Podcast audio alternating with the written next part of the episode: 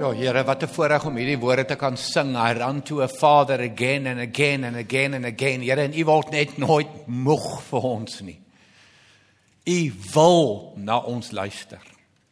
U wil hê ons moet ons harte met U deel.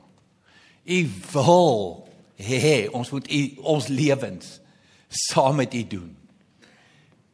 Here, ons verdien dit nie, ons verstaan dit nie, ons begryp dit nie. Al wat ons weet is dis wie U is. En dis die voorreg van 'n verhouding met U hê om vir U te kan sê Vader en te kan weet ons is U kinders. So Vader kom praat met U kinders vanaand.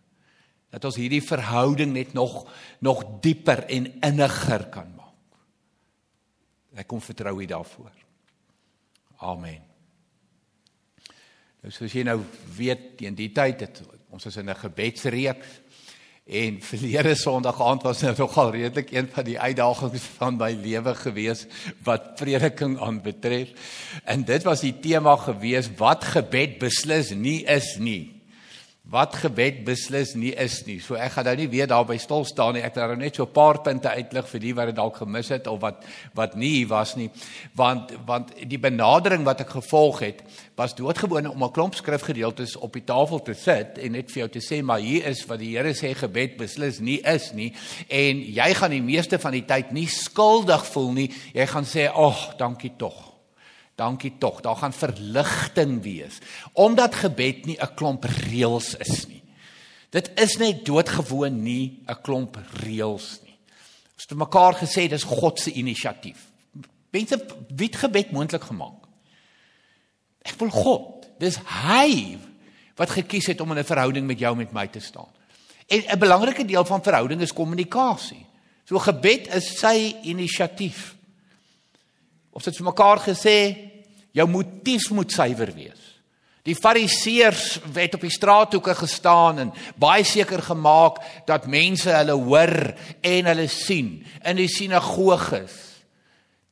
Gebed. Niemand hoef te weet jy bid. Niemand hoef te weet jy bid nie. As jy vir 'n saak bid, vir mense bid, hulle hoef dit nie eens te weet nie.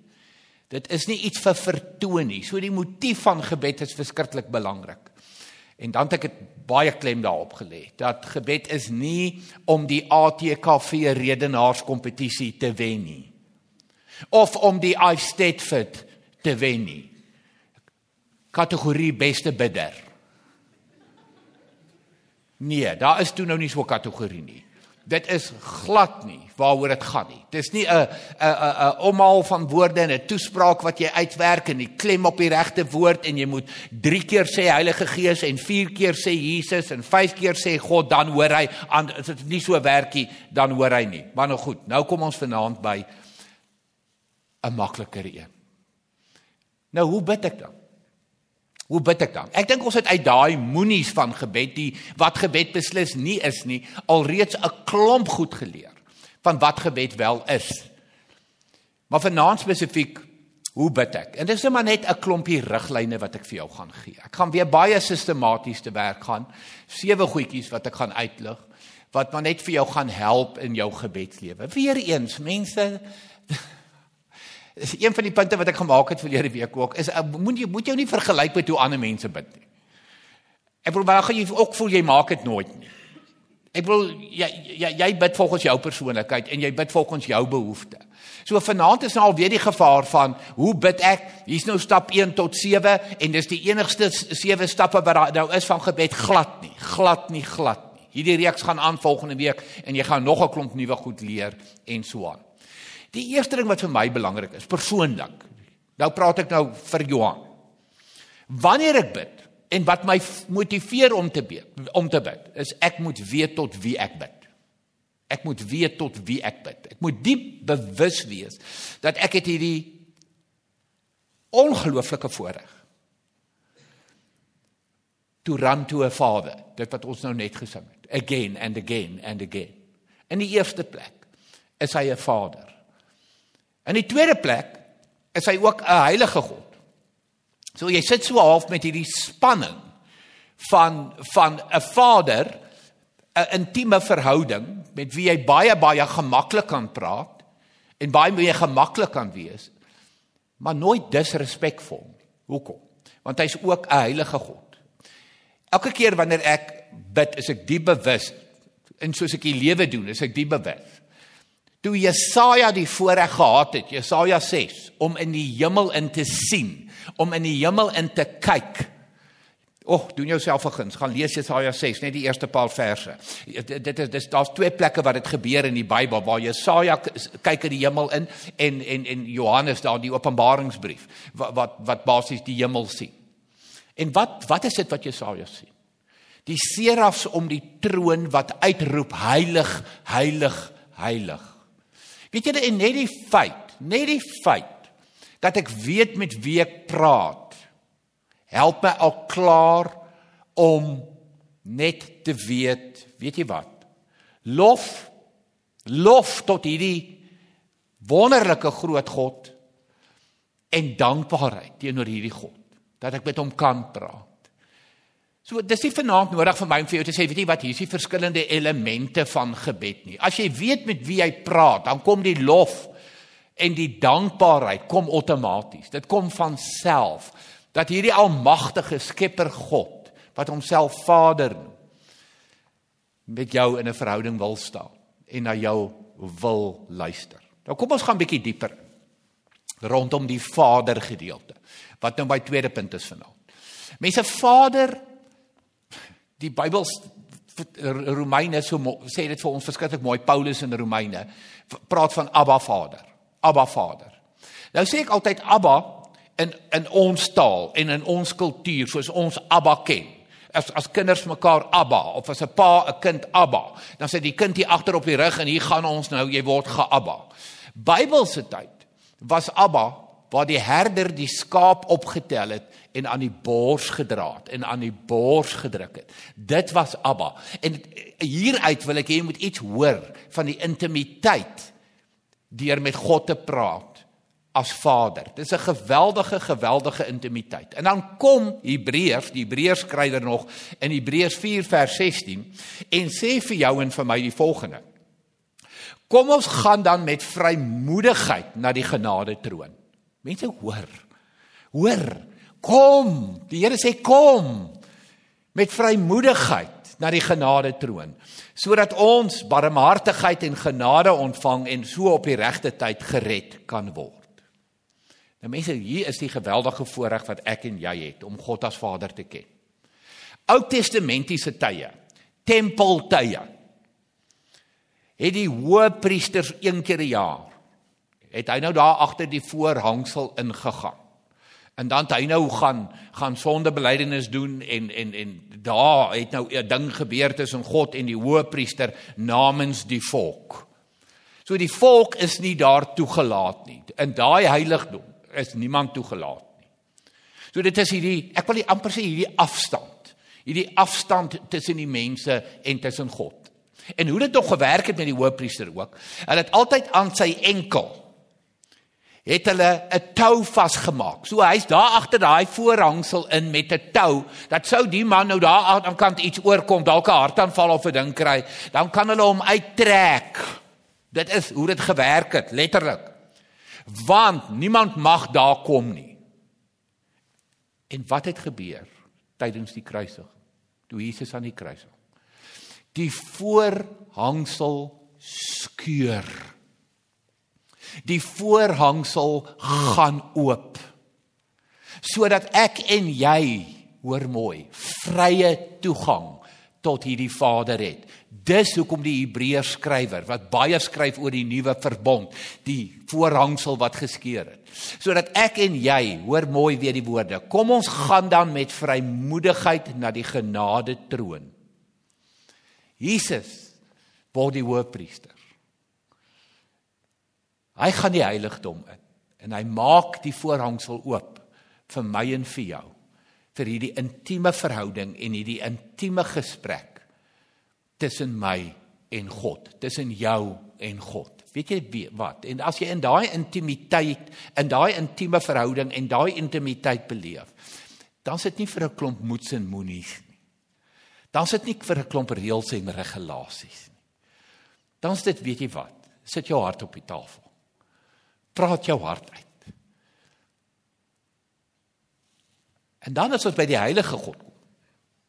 Dan kom ons by die sondebelydenis gedeelte. Mense, en dit is nou een ding wat ek en jy tog net net nooit moet vergeet nie. Ons moet nooit vergeet wie is God? Die heilige, die serafs wat heilig, heilig, heilig. Al is hy ons Vader. En ons ons sukkel. Ons leef in 'n gebroke wêreld, ons leef in 'n stikkende wêreld. Ons maak droog, ons maak foute. As jy nou nie kan assosieer met wat ek nou sê nie, kom sien my net na die tyd dan kom raak jy net aan my asseblief. Ek wil net voel hoe voel so iemand se aanraking. Ehm um, en, en en jy loop gedurig met skuldgevoelens. Jy loop met daai shame wat Adam en Eva mee geloop het, die skande wat hulle mee geloop het. Dit is ek, ja. So net deur bewus te wees van wie God is, die heilige. Raak jy bewus van wie jy is? En dis wat Jesaja doen daar in Jesaja 6. Dis asof hy in 'n spieël kyk en hy sien wie hy werklik is. Toe hy God sien en hy sien sy heiligheid, toe is dit asof hy sy tekortkominge sien. Mense, ek en jy word ons nou met vrymoedigheid na die genade troon toe genooi. Met vrymoedigheid. Jy hoef nie 'n afspraak te maak nie. Dis nie een keer 'n week nie, dis nie twee keer 'n maand nie. Dit is met vrymoedigheid wat jy tot God kan nader. Dalk sit jy nou vanaand hier met die grootste klomp shame en skande en gemors op jou skouers wat jou so in die grond indruk. Die Here sê vir jou kom. Kom met vrymoedigheid. Ja, ek is 'n heilige God. Maar wees bewus van wie jy is. En dan gaan ek nou by 'n versgedeelte kom wat vir jou baie gaan beteken, maar ek wil net eers Albert Einstein. Nou mense, Einstein is Einstein. Daar is net een Einstein in die wêreld. Toe hy nou gaan werk, toe hy sy werk begin by Princeton University daar in Amerika. Toe vra hulle nou vir hom: "Wat het jy nodig? Wat het jy nodig?" Toe antwoord hy die volgende: "A desk, some pads and a pencil." And a large waste basket to hold all of my mistakes. Hoor die egtheid. Hoor die opregtheid. Nou moet moet dit nou weer op 'n sekere manier gesê word en 'n sekere volgorde gesê word? Nee. Ek het verlede week het baie baie sterk beklemtoon mense gebed is nie een of ander pyp van jou mond na God toe nie. Dis jou hart na God toe. Hy sien jou hart. Hy sien jou gebrokenheid. Hy sien jou stikkende mens wees. Hy sien jou berou. Maar 'n belangrike ding wat ons moet leer is die verskil tussen spyt en berou.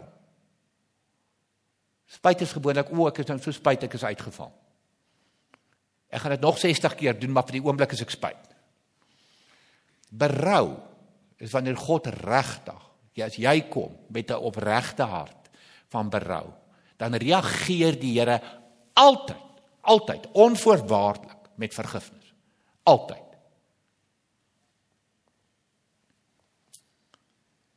Ek dink aan die moordenaar aan die kruis. Mense, dit is 'n wrede dood. Jy hang aan daai kruis in die verskriklikste verskriklikste verskriklikste pyn. En jy sterf 'n stadige versmoringsdood. Dit is dit is hoe dit werk aan 'n kruis. En op 'n stadium was hy nou een van die wat gespot het met Jesus. En die volgende oomblik besef hy, daar aan die kruis. Dit is nie gewone omstandighede nie. Dis nie in jou binnekamer nie, dis nie terwyl jy sit in 'n kerkgebou nie, daar aan 'n kruis. Besef hy maar hierdie hierdie man hier langs hom is werklik die Christus, is werklik Jesus. En en hy, hy is werklik, werklik ten diepste 'n moordenaar. Hoor weer. Hoor hoor net weer die die die besef, die die opregtheid. En wat doen hy? Lewer hy 'n weer eens 'n Eisteddfit ATKV vir rede wat die beoordelaars gaan beïndruk? Nee. Al wat ek vir die Here sê is Here, dink aan my. Dink aan my. Nou dat ek weet wie U is, nou dat ek besef maar U is werklik die Christus. As U nou vandag in die paradys kom, I'm not worthy. Maar dink aan my as jy daar kom. En hoe het Jesus daarop gereageer? Nie gesê maak hierdie man los. Hy moet homself nou eers gaan bewys voordat ek hom gaan vergewe nie. Nee, hy sien onmiddellik die opregte hart. Onmiddellik. En hy sê vir hom vandag. Vandag sal jy saam met my in die paradys wees. Hoor die onmiddellike, onvoorwaardelike vergifnis. 1 Johannes 2 vers 1 en 2 sê dit so verskriklik mooi. Dit skrywe ek aan julle my liewe kinders. En hoor net weer die woorde, my liewe kinders. Mense ons is so hard op onsself partykeer. Ons vergeet ons is God se liewe kinders. Dat jy nie moet sondig nie. En as een van ons sondig, ons het Jesus Christus, die regverdige, as ons voorspraak by die Vader. Hy is die verzoening vir ons sondes en nie net vir ons sondes nie, maar ook vir die van die hele wêreld. So hoor mooi wat is Jesus? Jesus is my voorspraak en Jesus sorg vir verzoening met God. So ek kan met die grootste vrymoedigheid enige tyd van die dag enige tyd in my in my lewensseisoene nooi hy my kom kom met vry kom met vrymoedigheid kom geen afspraak nie Geen skuldgevoelens nie. Kom. Jesus is jou voorspraak. Jesus is jou vryspraak. Jesus is jou vergifnis. Maar weet wie hy is en weet wie hy is. Dan 'n vierde enetjie. En hierdie is nou gereeld ek. En ek glo met my hele hart in hierdie baie moeilike tyd wat ons in leef, uitdagende tyd, dalk jy ook. Die woord versigtinge. Versigtinge. Paulus wat skryf vir die gemeente in Rome in Romeine 8 vers 26. Die Gees staan ons ook in ons swakheid by. Ons weet nie wat en hoe ons behoort te bid nie. Dankie tog Paulus dat jy dit verstaan. Want ek gaan nou waaragtig, as dit nou 'n ATKV kompetisie is, dink ek ek gaan nie eers inskryf nie. Want ek het partykeer nie eers die woorde nie. Ek weet partykeer nie hoe nie. Ek weet nie wat om te sê nie, ek weet ook nie hoe om dit te sê nie. Maar die Gees self pleit vir ons met versigtings wat nie met woorde gesê word nie. So mense van jou sterkste, kragtigste gebede is partykeer sonder woorde. Dis dalk 'n sit net by God en wees net by God met jou stikkende mens wees. Met jou elende in jou lewe. Met die terugslag wat jy beleef. Dis dalk 'n traan wat loop. Dis hoekom in Psalm 56 vers 9 staan dit daar dat my trane is in u boek opgeteken. Elke traan van my is in die boek opgeteken.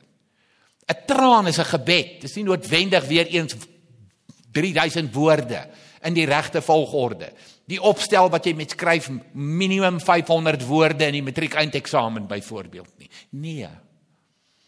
Dis partykeer 'n sug. Dis partykeer 'n kreun. Dis partykeer huil. Dis partykeer 'n traan. Dis partykeer net Here, ek kan nie meer nie. Ek ek ek weet nie meer wat ek kan doen nie. Ek hierdie gedeelte reg verstaan en ek weet ek doen, dan is dit 'n kragtige gebed. Hoekom? Wat het ek net te veel gesê? God sien jou hart. Nie noodwendig jou lippe nie. Ons moet net leer om ons hart op ons lippe te kry. En partykeer kan jy nie. Partykeer kry jy dit nie eens dit reg nie. Partykeer is dit so swaar en so seer dat jy maar net kan wees by die Here en maar net kan sug of 'n traan kan loop. En dis genoeg vir God. Hy hoor dit want hy hoor jou hart. Nie leë woorde soos wat die fariseërs gereeld gebid het nie. Dan nommer 5 is 'n smagting na God. Psalm 63 is so bekend. Psalm 63 vers 2. Ek soek U o God, my God. Ek dors na U. Ek smag na U soos 'n soos in 'n dor en droë land, 'n land sonder water. Mense in die geheim hier is doodgewoon. Hierdie moet 'n deurlopende proses in jou lewe wees. Hierdie moet 'n aanhoudende proses in jou lewe wees. En dan veral, veral en dis hier waar ons onsself moet dissiplineer om doelgerig te wees, om intentioneel te wees. Veral in die tye wat dit met jou swaar gaan. Wat dit sleg gaan vir verskeie redes. Dit kan wees oor jy seer gekry het, emosionele pyn ervaar of omdat jy droog gemaak het. Wat is ons geneigtheid? Ons natuurlike default dan is weg van God af, weg van God af. Ek voel nou so vuil dat hy wil nie na my luister nie. Ek voel nou so absoluut stikkend en seer. Dalk blameer ek hom ook nog daarvoor. Hoe kan ek hoe, hoe kan ek nou met hom praat? En en dis wat ek en jy moet leer. Die uitkoms van gebed, die uitkoms van gebed is nie noodwendig dat my omstandighede moet verander nie. Die uitkoms van gebed is baie keer doodgewoon vrede in moeilike omstandighede. Vreugde ten spyte van swaar en moeilike omstandighede. Hoe gaan ek dit ooit kry as ek net kan gaan sit by die Here en sê Here, hallo, dis Johan alweer hier. Ek het alweer daai dom keuse gemaak wat ek u nou al 320 keer beloof het. Ek gaan nie weer doen nie. Dis mos nou eerlik. Dis mos nou opreg. Ek praat ons nou met my pa, my hemelse pa. Help my, Here, help my. Hoor my versigtinge. sien my hart. Here hierdie pyn, hierdie seer, emosionele pyn, emosionele seer. Dis net too much. Asseblief, Here. Weet jy mense in daai intieme tye saam met God. Hoor mooi die uitkoms. Is gewoonlik maar net vrede in moeilike omstandighede. Vreugde in moeilike omstandighede. Nie noodwendig omstandighede wat verander nie. En dan die tweede laaste een. Voorbidding sal altyd altyd belangrik bly. Om te bid vir situasies dit wat in die Oekraïne aangaan. Dit wat in Natal aangaan. Nou maar net twee baie baie relevante voorbeelde op die oomblik, aktuelle voorbeelde. Om regtig te bid. Mense, ek weet nie van jou nie ek ek sukkel op die oomblik ook net Here wat moet ek nou nog bid vir die Oekraïne? Wat wat moet ek nog bid vir hierdie ding tussen Rusland en in in in wat wat wat wat wat die hele wêreld beïnvloed? Wie wat? Sê maar net weer wat jy gister gesê het. Sê maar net weer wat jy vroeër vandag gesê het. Sê dit maar net weer. Hoekom? Wees net opreg. Wees net opreg. Dit is hoe jy bid. Bid vir jou medegelowiges. Dis 'n opdrag in die Bybel. Hoe gereeld bid ons vir medegelowiges? Ons broers en susters in die Here. As ek nou Paulus se woorde moet gebruik, dan sê hoe hy dit sê, hy sê praat van die mense in die gemeente, die in die gemeente, met ander die kinders van die Here. Dit is dit is maar net sy sy taal wat hy gebruik, die in die gemeente. Maar dan staan die duidelike opdrag ook, bid vir die buite die gemeente. Nou wie's nou buite die gemeente? Dis die Bybelse taal wat jy lees veral in in Kolossense, lees jy dit vir die ongelowiges, die wat Jesus nou nog nie ken nie. En dit is altyd dit dis vir my die lekkerste ding om vir 'n ongelowige te bid. Want weet julle Petrus nie? Dis in 2 Petrus 3, skryf hy. Beskou die geduld wat die Here met julle het, se geleentheid om gered te word. Hy wil nie hê iemand moet verlore gaan nie. 2 Petrus 3 vers 9 en vers 15. Hy wil nie hê een mens moet verlore gaan nie. Hoe lekker is dit om te bid vir 'n ongelowige? Want die oomblik wat jy bid vir 'n ongelowige, is jy binne die wil van die Here. Is jy binne die wil van die Here. Dis wat dis wat dis wat sy woord sê, dis sy wil. Hy wil nie hê dat iemand moet verlore gaan nie. Dis die Here se wil. So wanneer 'n ongelowige in jou familie is, in jou vriendekring is, in jou werk is, begin doodgewoon vir hulle bid. En jy gaan verras wees. Maar weer, moenie vergeet om vir die gelowiges ook te bid nie. Almal trek swaar op die oomblik in 2022. So kom ons bid vir mekaar. En dan 'n laaste punt wat ek wil maak vanaand en dit is dalk waaroor gebed werklik ten diepste gaan. Is om dit te leef. Is om gebed te leef. Mense die lekkerste tye vir my in gebed is wanneer ek in my kar ry. Want beloof jou dit's oop hoë. Moenie worry nie. Nie worry as jy naby my ry nie. Ek sal leen. Daar's ek alleen. Dit is lekkerste tye om met die Here te praat. As ek kan oefen. Die lekkerste tye om met die Here te praat. Leefgebed. Wat beteken hierdie woorde in die Onse Vader laat U naam geheilig word? Wat wat beteken dit as ons daai woorde bid? Laat U naam geheilig word. OK, nou het ek dit gebid, Here. Right, amen. Nee, die belangrike van daai woorde is ek het dit nou gesê, amen, gaan leef dit nou. Gaan leef nou 'n lewe wat sy naam heilig. Wat sy naam heilig. Laat die koninkryk kom. OK, ek het dit nou gesê. Jesus leer ons nou vir ons, laat die koninkryk kom in Matteus 6. Amen. OK Johan, gaan wees jy nou 'n instrument dat die koninkryk kan kom. Gaan gee om vir ander mense. Kyk uit waar daar nood is. So die belangrikste van gebed is uiteindelik dat dit 'n lewenstyl gaan word, 'n lifestyle. Nie net 'n gebrabbel nie, nie net 'n klomp woorde nie, nie net lippetaal nie, maar dat dit uiteindelik dade gaan doen aksie optrede. Dit is die gevolg van gebed. So, wat gaan ons nou doen? Kom ons bid. Kom ons bid. Hemelse Vader, dankie dat U ons nooi om met vrymoedigheid na U genade troon te kom. Here, dankie dat ons dit net ook kon gesing het Ons ons kan na u toe hardloop. Ons kan in u arms in hardloop. Dankie dat u ons in in in in Johannes noem, liewe kinders, liewe kinders. Dankie dat Jesus vir ons ons vryspraak bewerk het, dat hy dat hy verzoening bewerk het. Here, dankie dat ons met versigtings kan kom partykeer. Nie eers met woorde nie. Net kan sug, net kan huil en u hoor en u luister. Here trek ons nader en nader en nader aan u. Vat ons in 'n dieper en 'n nog dieper verhouding met u.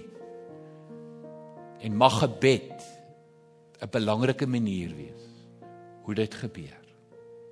In u kosbare naam, Here Jesus. Amen.